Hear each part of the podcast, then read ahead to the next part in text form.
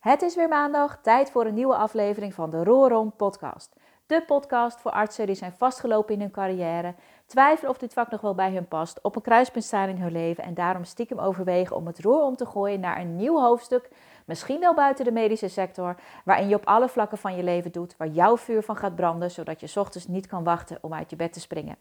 En ja, vandaag uh, ga ik de vier boeken met je delen die voor mij life-changing zijn geweest. En de reden dat ik dat graag wil doen is omdat ik inmiddels zie dat er heel veel mensen meeluisteren naar deze podcast. Dank je wel trouwens als je er elke week, of misschien niet elke week, maar als je erbij bent weer als luisteraar. Dat betekent heel erg veel voor mij. En uh, mocht je het leuk vinden, dan mag je me altijd een mailtje sturen op tineke.tinnekeplat.nl om te laten weten wat je uh, aan deze podcast hebt gehad. En of je misschien nog tips voor me hebt voor verbetering. Of dat je suggesties hebt voor bepaalde onderwerpen die je graag terug wil horen. Um, maar omdat ik dus weet dat er heel veel mensen luisteren, dacht ik, ja, wat kan ik nou doen? Uh, om jullie wat verder op weg te helpen. En um, ja, wat voor mij altijd heel erg geholpen heeft in mijn eigen rolproces, is het lezen van boeken. Uh, boeken zijn gewoon een hele makkelijke manier. Uh, het kost niet veel geld om uh, jezelf weer nieuwe, ja, nieuwe kennis te verschaffen en jezelf weer te laten groeien, jezelf te verbeteren, tot inzichten te komen en die vervolgens ook toe te passen in je leven. Dat is ook iets wat ik zelf heel veel gedaan heb. Naast dat ik natuurlijk ja, bepaalde trainingen en cursussen heb gedaan, heb ik ook heel veel boeken gelezen. En ik heb voor jou de vier boeken eruit gepikt die voor mij echt levensveranderend zijn geweest. En we gaan gewoon in chronologische volgorde qua tijd. Dus het is niet zo dat het eerste boek ik nou, dat ik die nou het meeste aanraad.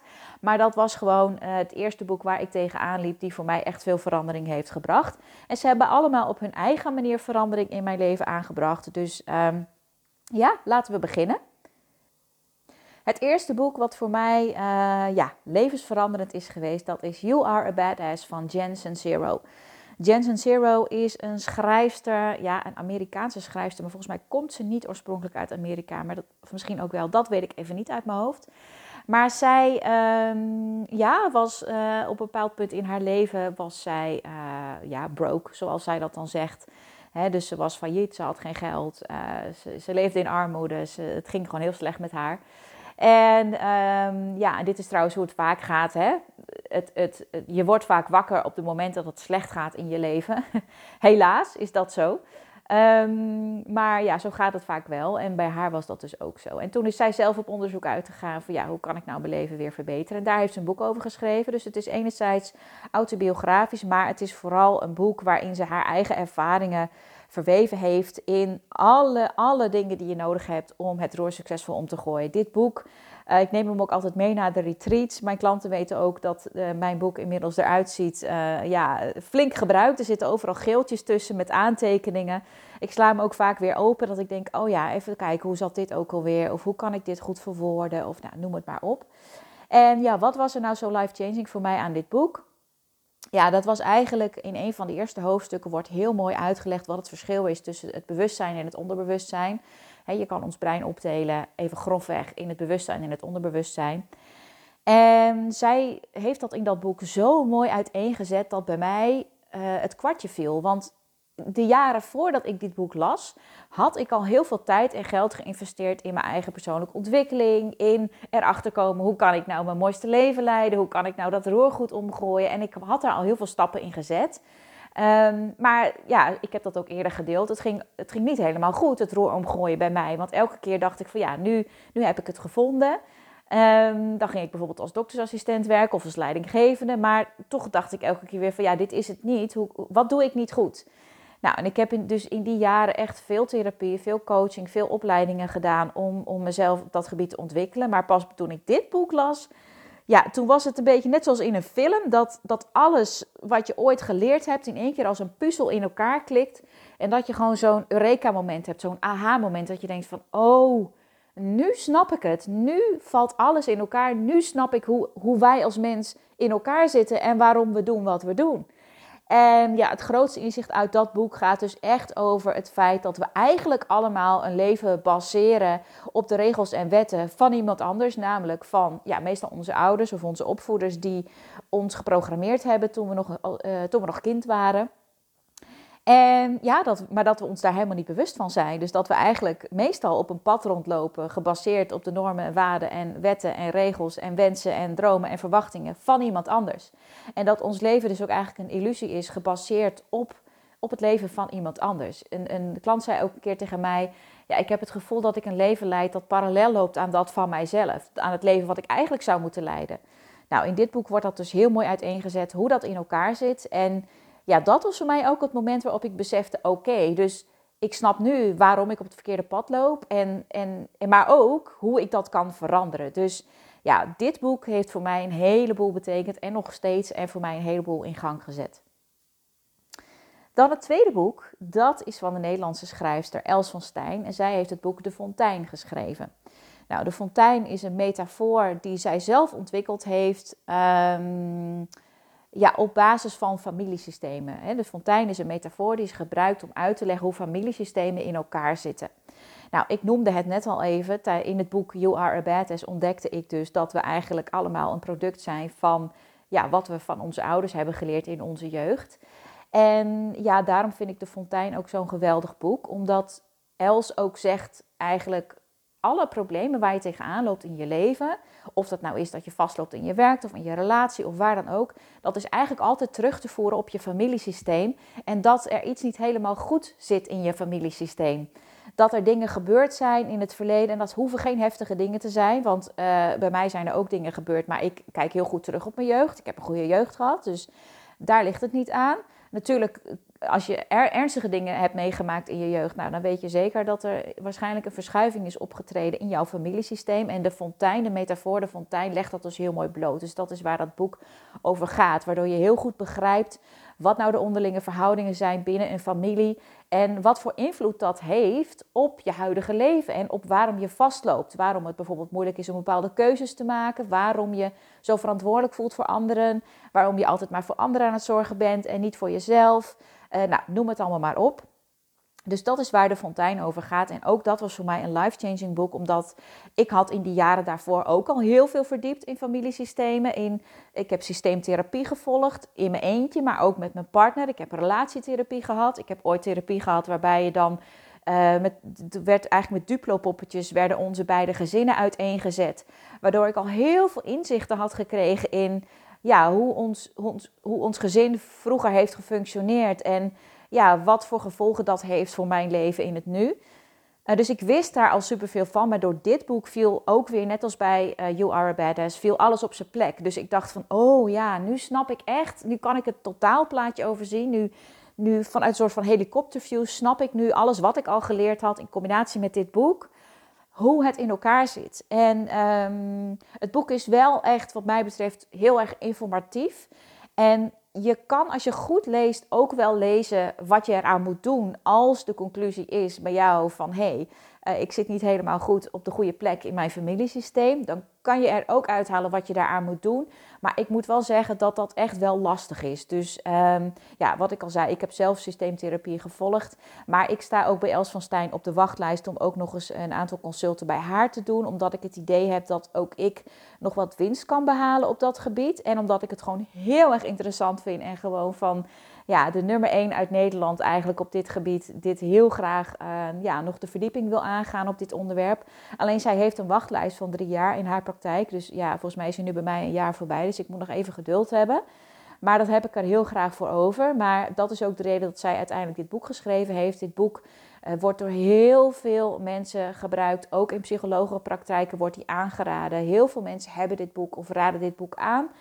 Um, omdat Els haar praktijk dus op een gegeven moment zo vol zat, is ze dus dit boek gaan schrijven, zodat ze veel meer mensen kon bereiken en veel meer mensen kon helpen. Dus uh, er zijn trouwens twee edities van. De eerste is uh, Vind je plek. En de tweede is um, ja, hoe maak je krachtige keuzes in het dagelijks leven. Ik weet het even niet, maar ik heb het nu even over het eerste deel, De Fontein Vind je plek. Dus uh, dat is echt een boek wat ik ontzettend aanraad en ook altijd uh, verwerk dus in mijn traject. Oké, dan gaan we naar nummer 3. En dat is ook een klassiek boek, De kracht van het nu van Eckhart Tolle. Of in het Engels The Power of Now. Ik heb hem in het Nederlands gelezen, De kracht van het nu. Nou, heel veel mensen hebben wel eens van dit boek gehoord. Ehm, en ik, ik hoor ook vaak, ja, ik heb hem wel in de kast liggen, maar ik ben er nog niet aan toegekomen om hem te lezen.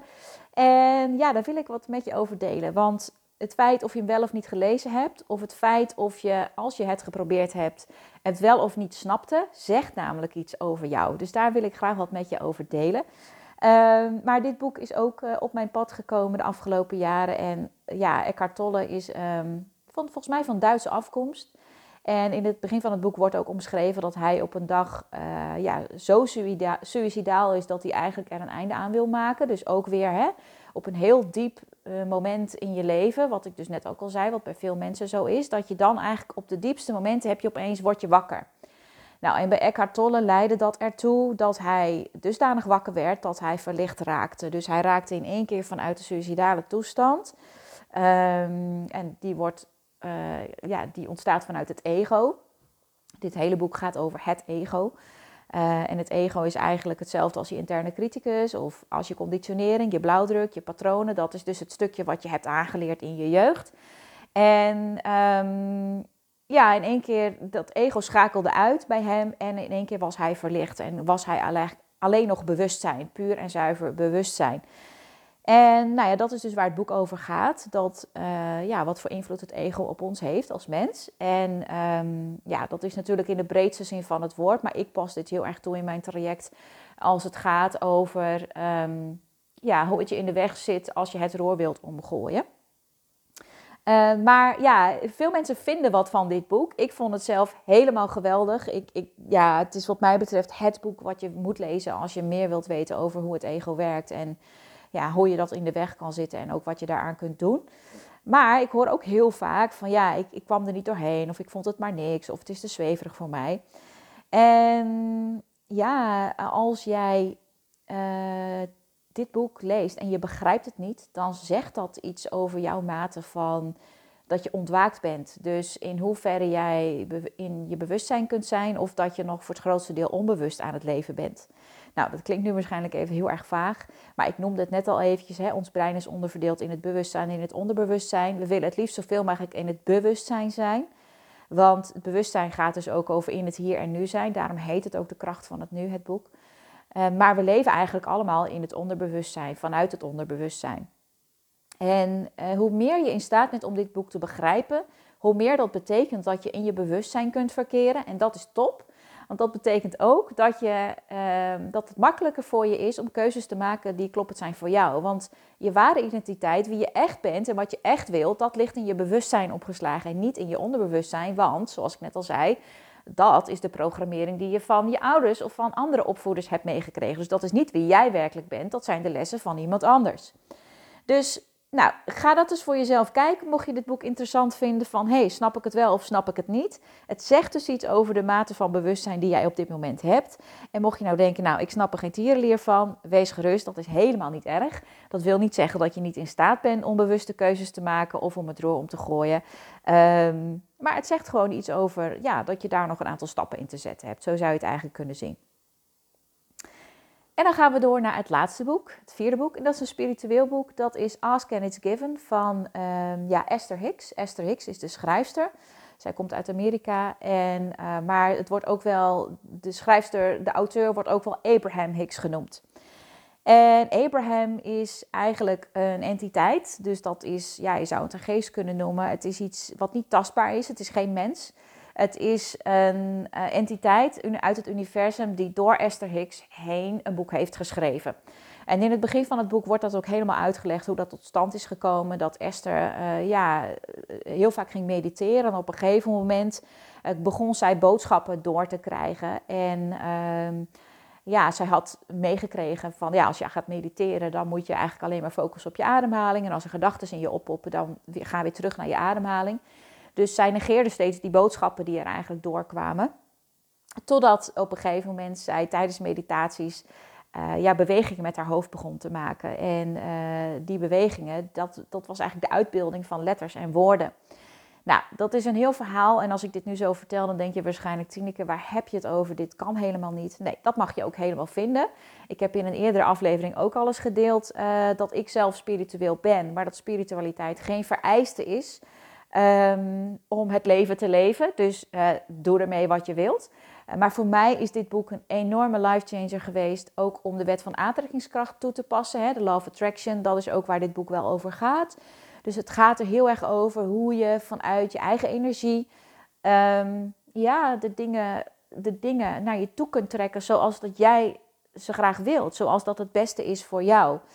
En eh, voor mij is het trouwens inmiddels helemaal niet meer spiritueel of vaag. Want als je het helemaal gaat ontleden, dan komt het er simpelweg op neer dat ons lichaam bestaat uit moleculen en cellen. En die cellen bestaan uit atomen. En als je een atoom helemaal gaat ontleden, dan bestaat een atoom voor 0,00001% uit een vast deeltje. En de overige 99,9999% dat is energie. En energie, ja, dat is beweging. Dat weet jij ook als arts. Energie is beweging. En de wet van aantrekkingskracht betekent dat energie gelijk energie aantrekt. Dus positieve energie trekt positieve energie aan, negatieve energie trekt negatieve energie aan. En nou, lang verhaal kort, ons lichaam heeft, straalt dus altijd een bepaalde energie uit. En dit boek gaat er dus over hoe je ervoor kan zorgen dat je je energie afstemt op datgene wat je wilt, waar je naar verlangt, zodat het ook naar je toe gaat komen. Nogmaals, ik ga er verder niet te veel over de diepte in, want als ik het zo kort door de bocht vertel, dan klinkt het waarschijnlijk veel te vaag. Maar als je hierin geïnteresseerd bent, zou ik dit boek zeker aanraden, want het is eigenlijk het boek wereldwijd gezien waarin echt tot in de puntjes wordt uitgelegd hoe dit in elkaar zit. Ehm, maar laat je er ook niet door afschrikken. Ehm, er zitten genoeg artsen bij mij in het traject die niet spiritueel zijn en toch het roer succesvol omgooien. Dus nogmaals, het is geen vereiste. Ehm, maar er zijn ook artsen bij mij in het traject, bij wie er opeens toch een luikje spiritualiteit open gaat tijdens het traject. Dus het kan allemaal, lieve mensen. Sta open voor misschien wel het onbekende en eh, ja, wie weet kan het je wat brengen. Maar ja, dit boek was voor mij echt wel heel erg fascinerend en ik heb hem nog steeds uh, ja, altijd in de buurt liggen. Ik heb uh, ook het, tweede deel hiervan inmiddels aangeschaft. Dat heet The Law of Attraction. Daarin staat echt heel goed uitgelegd hoe deze wet werkt. Het is gewoon een natuurwet, net als zwaartekracht. Uh, en elektriciteit, dat zijn ook dingen die we niet met het blote oog kunnen waarnemen, maar we geloven wel dat het werkt. We, we maken wel gebruik van zwaartekracht, we maken wel gebruik van elektriciteit, uh, maar we kunnen het niet zien. En dat geldt ook voor de wet van aantrekkingskracht. Het is iets wat we niet kunnen zien. En deze wet hebben we niet op school geleerd, dus dat maakt ook dat we er een beetje sceptisch over zijn met z'n allen. Maar ja, ik ben natuurlijk zelf ook arts en ik ben er zelf ook lang sceptisch over geweest en heb ook lang gedacht, want het is te zweverig. Maar inmiddels weet ik gewoon dat het werkt en dat het waar is, dat deze wet bestaat. En het is ook wetenschappelijk bewezen. Um, en ja, je kan het dus toepassen op je eigen leven. Dus um, ook dit boek is voor mij echt, echt, echt life-changing geweest. Oké, nou ik ga uh, de aflevering afsluiten, want ik heb de vier boeken gehad. En ik hoop dat je er wat aan hebt gehad. Mocht jij uh, een van deze boeken kennen of deze naar aanleiding van deze podcast gaan lezen, laat het me even weten. Dat vind ik echt super leuk. En mocht je nu zitten luisteren en denken, ik ben zo'n vastgelopen arts die op een kruispunt staat in het leven en ik overweeg om het rol om te gooien naar een nieuw hoofdstuk, dan ga ik heel graag met jou in gesprek. Op www.tinekeplad.nl slash gesprek kan je een persoonlijke matchcall met mij aanvragen. En gaan we samen kijken welke mogelijkheden ik voor jou zie om het roer succesvol om te gooien. Of jij er klaar voor bent om verandering aan te brengen in je leven. Wat jouw wensen en dromen zijn. Wat de juiste timing is voor jou om het roer om te gooien. En of het Break-Free traject geschikt is voor jou. Dus ga daar even naartoe als je dat interessant vindt. En anders wil ik je voor nu weer bedanken voor het luisteren. En tot de volgende keer. Doei doei!